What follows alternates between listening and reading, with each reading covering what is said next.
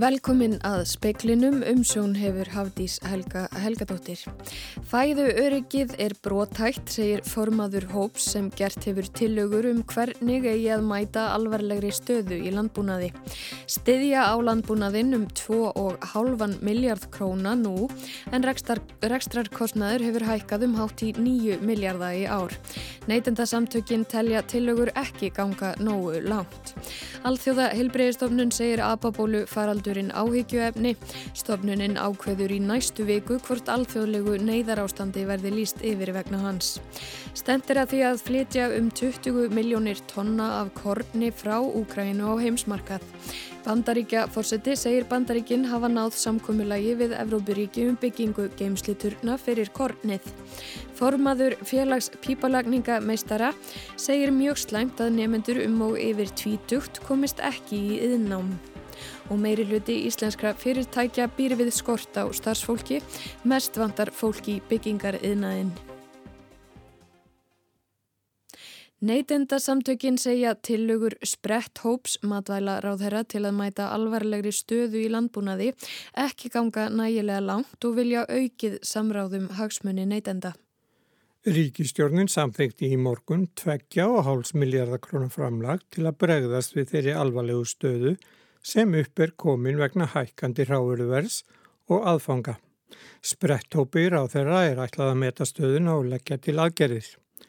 Breki Karlsson, formaður neytindasamtakana, segir að innlendar vörur hafi ekki aðeins hækkað heldur innfluttar einnig. Frekari tilur um stuðning við neytindur þurfi að koma til, svo sportna megið við hækkun matvælaverðs. Við sjáum þarna ágætar tillögur, til dæmis um aukna græmitis og, og kornrækt, en förðum okkur jáfnframt af því að ekki hafi verið haft samband við samtökinn, sérstaklega, þar sem hóparinn átti að, að huga að fæðu öryggi, verðlægi og hagsmunum neytenda. Framlag ríkisjóð stugar þó ekki nema fyrir helmingi þess kostnaðar sem þarf til að brúa bylið. Ráð þeirra kallar eftir að afurðastöðvar og smásalar leggji sitt af mörgum styðja verði við innlenda framleiðslu og tryggja fæðuöryggi.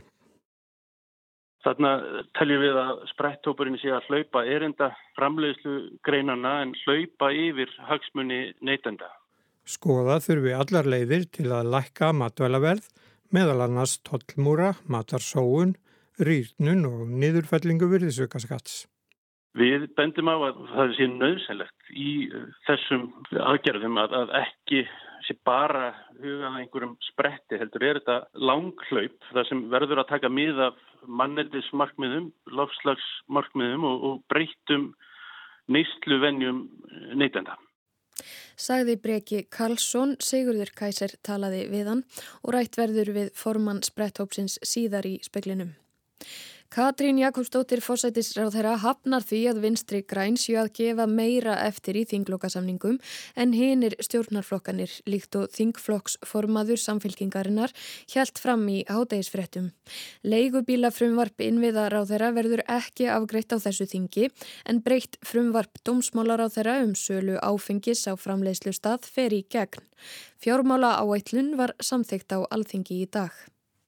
En mér sýnist í raun og veru fólk vera að vinna því að leysa í raun og veru ymsant núta sem alltaf koma upp í þingkaldinu þannig að ég án og vona því að þessu ljúki hér á næstu dögum og fyrir þjóðatíð. Þingflóksformaður samfélkingar segir að vinstri græn sé að gefa mun meira eftir en hinn í stjórnarflokkarnir. Hvað segir þú við því? Ég held að það sé nú ekki raunin í þingflokkum og mér sýnist nú öll mín mál til að mynda að fá afgreðslu sem og mörg önnur mál samráð þeirra mína þannig að ég held að það líki nú ekki þannig. Uh, ég held hins vegar að þetta þingkald er í raun og veru að skila fleiri, uh, fleiri afgreitum málum en ég átti kannski vona á í upphafi því þetta eru þetta stuttþing sem hérna, ef, þar að segja við horfum á veturinn allan þá þetta komum við ekki saman fyrir henni í, í november, undir lók november, byrjun desember. Saði Katrín Jakobsdóttir, fórsættisráð þeirra, Jóhanna Vigdís Hjaltadóttir talaði við hana. Alþjóða Hilbreiðismálastofnunin ákveður í næstu viku hvort alþjóðlegu neyðarástandi verði líst yfir vegna faraldurs ababólu. Tetros Geberesus, framkvæmdastjóri stofnunarinnar, sagði við fréttamenn að faraldurinn væri afar óvenjulegur og stofnunin hefði áhyggjur af þróuninni. Alls hafa 1600 tilfelli verið staðfest í 39 löndum. Þá er grunur um 1500 tilfelli viðbótað sögn Gebre Jésús. 72 hafa dáið af völdum sjúkdómsins í löndum þar sem hann var þegar landlægur en engin annar staðar. Hins vegar á eftir að fá úr því skorið hvort maður hafi dáið af völdum apabólu í Brasilíu þar sem sjúkdómurinn er ekki landlægur. Gebri Jésús hefur nú bóðað neyðarnemnd stopnunarinnar til fundar. Ákvörðunum hvort neyðar ástandi verður líst yfir verður tekinn 23. júni. Þá sagði framkvæmdastjórin að stopnuninn inni með sérfræðingum að því að breyta heiti veirunar og sjúkdómsinn sem hún veldur. Tilkynnt verði um ný heiti um leið og þau leikja ferir. Gebri Jésús ítrekkaði einnig þá afstöðu alþjóða heilbriðismála stopnunarinnar að ríki heimsættu ekki að grípa til fjöldabólusetninga.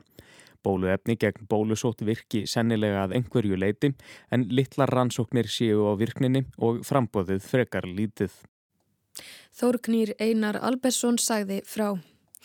Joe Biden bandaríkjafósiti segir bandaríkin hafa náð samkommulagi við Evrópuríki um byggingu geimsluturna fyrir korn á landamærum Úkrænu. Á ráðstefnu í Fíladelfíu saði Biden tilgangin að hjálpa Úkrænumönnum að flytja korn sitt úr landi. Úkrænskar hafnaborgir hafa verið í herkví frá upphafi innrásar og hefur það skert getu úkrænumanna til útflutnings verulega. Úkræna er eitt helsta kornræktar ríki heims og hefur stríðið því verulega áhrif á fæðu öryggi heimsbyðarinnar. Að sög bætens munverkefnið hjálpa úkrænumönnum að flytja um 20 miljónir tonna af korni á heimsmarkaðinn. Hægt verður að geima kornið í turnunum þar til vöruflutningabílar sækja það og agaði til nágrannaríkja. Í fyrsta sinn frá því fyrir hrun býr meiri luti íslenskra fyrirtækja við skort á starfsfólki samkvæmt nýri könnun sem fyrirvandar fólk mest í byggingariðnaðinn. Skortur og starfsfólki hefur aukist verulega undarfæra ár og vantar yfir helmingi íslenskar fyrirtækja nú starfsfólk. Fyrir rúmu árið síðan glýmdi aðeins eitt á hverju tíu fyrirtækjum við skort og starfsfólki. Þetta kemur fram í könnum samtaka atvinnlýfsins og Sæðlabanka Íslands um stöðu og framtíðarhorfur stærstu fyrirtæki á Íslandi sem framkvæmdir ársfjörðungslega.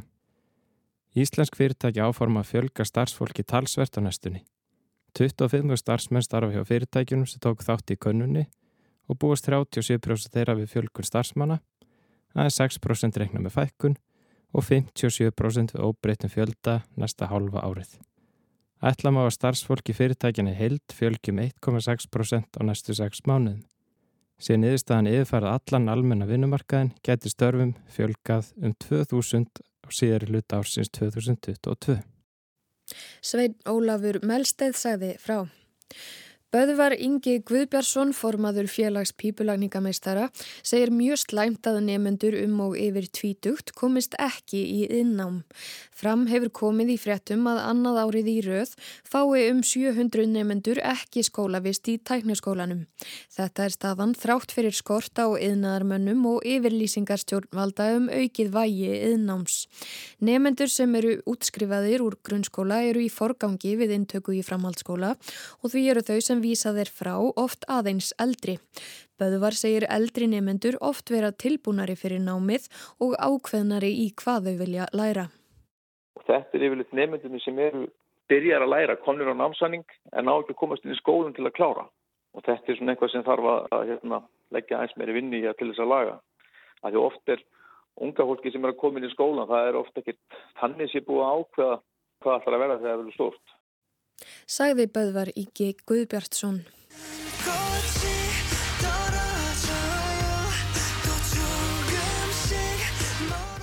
Þannig hefur við lagið Spring Days með suður kóresku drengja hljómsveitinni BTS sem hefur nú lagt upp laupana að minnstakosti í byli.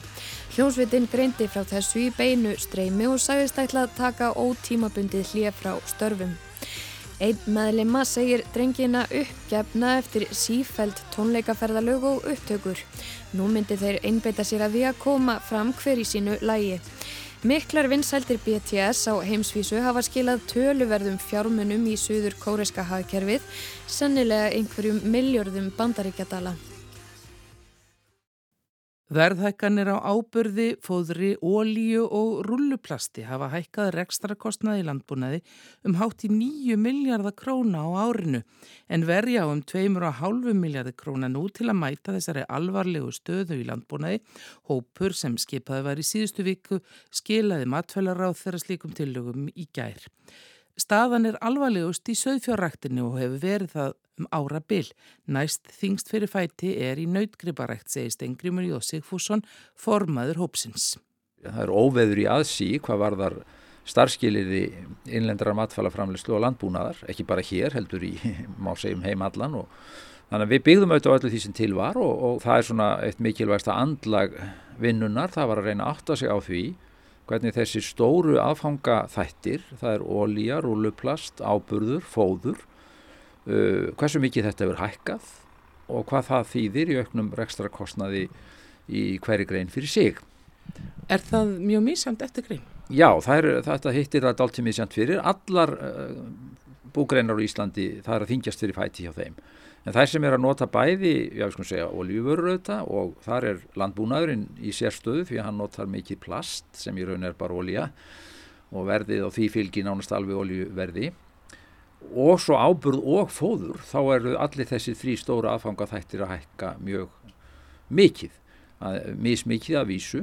En svo eru greinar sem til dæmis fyrst og fremst nota fóður uh, svínarækt, alifuglarækt og eggjaframlistla og þannig að þetta dreifist aðeins mismunandi og, inn í þetta reyndum við að lesa sem og að sjálfsögðu að eigi að þetta ná markmiðum sínum að komi vekk fyrir framlistu samdrátt og hrun í einstökum greinum þá er óumflíjanlegt að líta til mismunandi stöðu þeirra. Bæði bara hvað var þar afkomu að undanfornu og, og, og stöðu þeirra á markaði. Þar er nú líka ólík því að einn greinin, mjölkurframlegslan, býr við ofnbæra verlagningu og, og að hluti vörunar er líka verlaður og heilsulstígi. Þannig að hún hefur einhver leiti þegar fengið ákveðna kostnarhækkanir inn í sin grunn. Eh, en verð annara vara ræðst á, á markaði og þar er þeirra svona samkeppni staða eða vikstaða greinilega misjöfn. Þeim gengur sem sagt misvel að velta hækkuðum framlýslu áfram upp keðjuna og greiningin sínir okkur svart á kvítu og er ekki nýjar fréttir að, að staðan er lang alvarlegust í sögfjörrektinni eftir viðvarandi afkomi brest í raun alveg frá 2016-17 þegar verði hrundum 40% á, á tveimur árum. Og sennilega er hvað þingst fyrir fæti þar á eftir í í nautgripakjötsframleiðslunni og svo svínarektinni og okkar tilugur taka mið af, af þessu öllu saman. Annars vega sem sagt að vikt, vega það inn hvernig þessi stóru miklu aðfanga þættir hafa hækkað milli ára og hvað það þýðir fyrir hverju eina grein. Og svo líka að, að taka óumflíjanlega eitthvað tillit til stöðu þeirra til að berað einhverju til höggin sjálfar og þar, það er svona megin andlag okkar tillagna. Stengrimur telur ekki ofsagt að forsendur söðfjárræktar værið óbreyttu brostnar og kolsvart framöndan ef ekkert væri aðgert. Og við erum ekkert að draga döl á það að, að við göngum lengst til móts við söðfjárræktina og, og þar er, eru hæstu tölunar uh, óumflíjanlega. Ella væri verulega hætta á hruni bara strax í höst uh, sem við hefum kannski ekki séð áður. Og í því sambandi er auðvitað ekki hægt annan hafi í huga að á bakvið söðfjörræktina eru 14-1500 bú 14-1500 heimil í landin hún er stæsta greinin í þeim skilningi að það er lang flest, flestar einingar í rekstrinu þar á bakvið en við reynum síðan að mæta öðrum greinum eftir því sem við teljum mögulegt og, og, og sangjant og út úr þessu kemur þessi pakki upp á tæpa 2,5 miljardar krónar sem eru umtalsverði fjármunir og þýðir þá að, að viðbröð íslenskar stjórnvalda meðtöldum áburðarverðsgreislum í vetur eru komnar yfir 3000 miljónir á, á fjórða miljard króna og eru þá um það byrjum 0,09% af verkri landsamleyslu sem setur okkur fyllilega á sama stað og þau, þau hinna Norðurlandana sem mest hafa gert. Hvernig er svona grófa skipting millir greina? Sko við setjum talsverða fjármunni í e, jarðræktarstyrki og landgreðslur sem koma öllum til góða sem bera á tún og akra og uppskera þá í sömar. Og þar erum við að tala um rauntölur ársins en ekki viðmjöðum frá fyrir ári. Og þetta ætti að geta greiðst út í haust þegar búið er að skilin skýrslum um, um semst hektarana og, og ábyrðin og, og uppskeruna þá, og, og ráðunut að taka það út, þá er, er, ætti það að vera tilbúið. Þannig þetta fá allir sem, að, sem að eru í jarðirkju og síðan kemur þessi greiðsla til söðfjörrektarinnar við setjum líka hátt álag á greiðslur í nautakjöpsframleyslu 75% álag á þann grunn sem það er fyrir. Við viljum viðhalda vilja til ásetnings og að halda upp í framleyslunni þannig að við erum er þar með gripagreiðslu líka. Þannig að þeir sem eru með eh, nautgripi á fóðrum fá þá vissan stuðning til þess. Og svo tegjum við okkur yfir í gardirkjuna og komum til móts við hana. Mættu auðvitað segja að hún hefur kannski orðið fyrir hvað minnstum beinum áhrifum af því að, að þar er auðvitað ekki áburður og fóður nema áburður í, í útirækta grænmeti og einhverju leiti í ylræktinni. En, en aðrir þættir vega þar uh, minna og uh, launakostnaður er þar miklu hærra hlutfall heldur en í öðrum greinum. En, en þá vísum við til þess að öll stefnum mótun og tillögur undanfærin ár hafa gengið út á að reyna að ebla hér gardirkjuna og uh, neistla þeirra vörur að aukast og þess vegna er það keppikefli fyrir Ísland að, að nýta sína miklu kosti þar. Og þá eru eftir uh, það sem við kallum kvítakjötið eða, eða sem sagt svínarækt, alifuglarækt og egg. Uh, ríkið er ekki í neinu beinu samningssambandi við þær greinar. Það eru, það eru engin tæki til að koma í gegnum slíkt fjármunum þangað. Þannig að þar verður byggt á umsóknarferli og við búum til stóran pott, 450 miljónir og skiptum honum á, á, á þessar þrjár greinar og þær geta síðan sótt á grundvelli gagna og upplýsinga sem þær verða beðnar um, um stuðning úr þessum potti.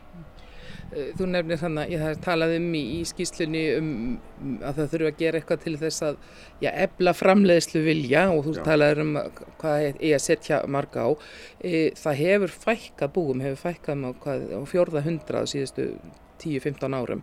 Eh, er útlitt fyrir að margir séu að fara að bregða búi nú í þessu áfalli? Já, allir ég orða ekki þannig að það, er, það væri stórkoslega hætta á því ef ekkert yrði aðgert að það yrði verulegu brestur í búskapnum í haust og sennilega yrði það tilfinnanlegast í sögfjörræktinni og við gætum séð þar hvoru tvekja gerast að bændur settu mun minna á eh, en líka að einhverju bregði hreinlega búi og það sem að er því miður líklegt til að gerast þá er það sem síst skildi að jável yngri bændurnir við hverfi frá búskap. Og ekki viljum við það nú. Eins er það ljóstaði til snautakjöldframleyslunni, þar höfum við vísbendingur um að ásetningur er á niðurleið, menn er að setja á færri kálfa til að ala upp í slátustarf og, og þar geti verið verulegu samdráttu framundan ef ekki er aðgert Nú það eru sviftingar í sínarektinni, þeir eru að, að taka á sig kostnæðarsamar fjárfestingar til að mæta breyttum og harðari reglum um, um aðbúnað og annað þvíunlíkt. Þannig að það er líka ástæð til að hafa áhyggjur og í raun og veru heilt yfir. Þannig að það skiptir gríðarlegu máli að reyna að viðhalda trú á framtíðina og framleiðslu vilja já, þannig að menn fætti ekki, menn fækki ekki heldur haldi upp í framleiðslunni og, og vonandi verður þetta hjálplegt í, inn, inn í það samhengi. En, en við draugum heldur ekki döl á að það er mikið óbrúa gatt eftir. Við erum kannski að mæta svona gróft reknað helmingnum af þeim vanda sem út af stendur þegar að búið er að taka tillit til líklæra afraverðshækkana og svo framvegis.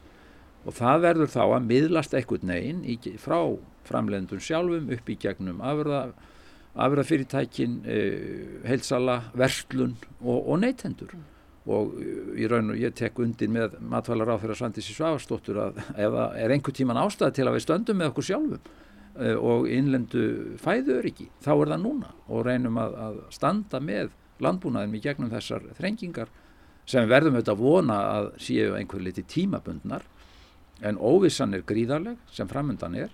Og þar alveg reynum við ekki eins og að, að segja eitthvað um framhaldið sko, við erum bara að taka stöðuna í núinu og leggja til það sem við teljum skinsamlegt og stjórnvöldu er það svo bara að vera á vaktinni um, í framhaldinu. Í tilugunum eru beinar aðgerðir sem að grípa á til strax í ár.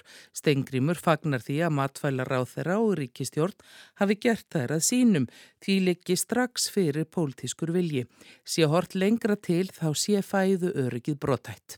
Við erum mjög háð matvælainflutningi sem þjóð. Við flytjum inn um helming af, af næringarþóð þjóðarinnar en við erum í viðbót háð alþjóðamörkuðum um aðganga mikilvægum ráöfnum eða aðföngum til framleyslunar hér innanlands.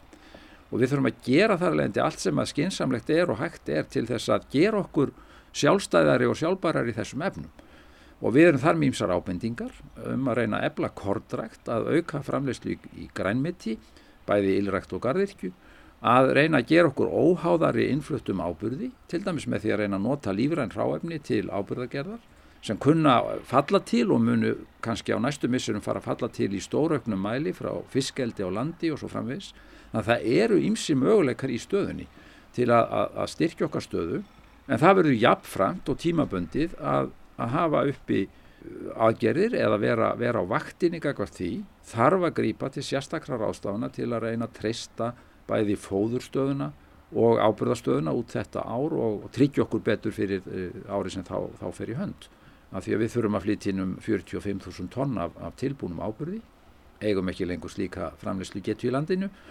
Og uh, það sem við gætum gert til að bú í hægum fyrir næsta ár væri líka skinsanlegt en við treystum okkur ekki til að leggja einlega neitt til í þessum efnum annað en annað en svona hluti áherslu atriði sem snúa að framtíðinni. Rétt að nefna þannig að það gleymist að við erum auðvitað með beina tillögu um að opnu verði lagaheimild fyrir sláturleifishafa og afurðastöðvar í, í frum vinslu til þess að hagraða. Það er mikið í það að sækja fyrir bæði bændur og neytendur. Áætlað svona 1-1,5 miljardur því minsta og við, okkur, okkur bráð vantar þá hagraðingu til að, að skila annars vegar herra afurðaveri til bænda og svo vonandi betri kjörum líka til neytenda. Þannig við, við verðum að fara að taka þetta mjög alvarlega. Steingrimi segir að Sveipuð heimild hafi nýst í mjölkur yðnaðinum á Íslandi til að hagraða þar um 3-4 miljardar króna. Og það ánægilega var að svo hagraðing skiptist nokkuð vel á milli annars vegar framleiðandana, bændana og hins vegar neytenda í formi lagra vöruvers. Þannig að það er bara þjóðhagslega miklu hakkvamari í dag að framleið, framleiða okkar með orkurvörur og koma þeim til neytenda. Við þurfum að þessu sama að halda í kjöttgreinum. Það er alveg borðleggjandi að, að það, er, það er mikið í það að sækja. Það verður bændur verða að fá hærra verða á komandi árum, missurum og árum fyrir til dæmis kindakjött og nautgripakjött og jável framleyslu úr fleiri greinum og auðvitað að því merkið sem það er hægt að gera þetta á hakfameri hátt í landinu þá njóta allir góðs af og ekki síður neytendur. Þeir uh, því miður á, munu þurfa væntalega að sjá hækkaða matarkörfu í sínum útgjöldum rétt eins og heimil út um allan heim núna eru að finna fyrir þessari ráveruverðshækkun og, og afleðingum hennar en, en þeir eiga líka mikið húfi að hér sé fullnægandi fæðuriki að við fáum hodlar og góðar vörur á okkar borð og, og við erum of brotætt í raun og veru sem land þegar þetta er greint gagvart við sjálfverðum tímum uh, hvað þetta snertir og þurfum að taka það mála alvarlega Sæði Steingrimur Jóð Sigfússon, Anna Kristín Jónsdóttir talaði við hann.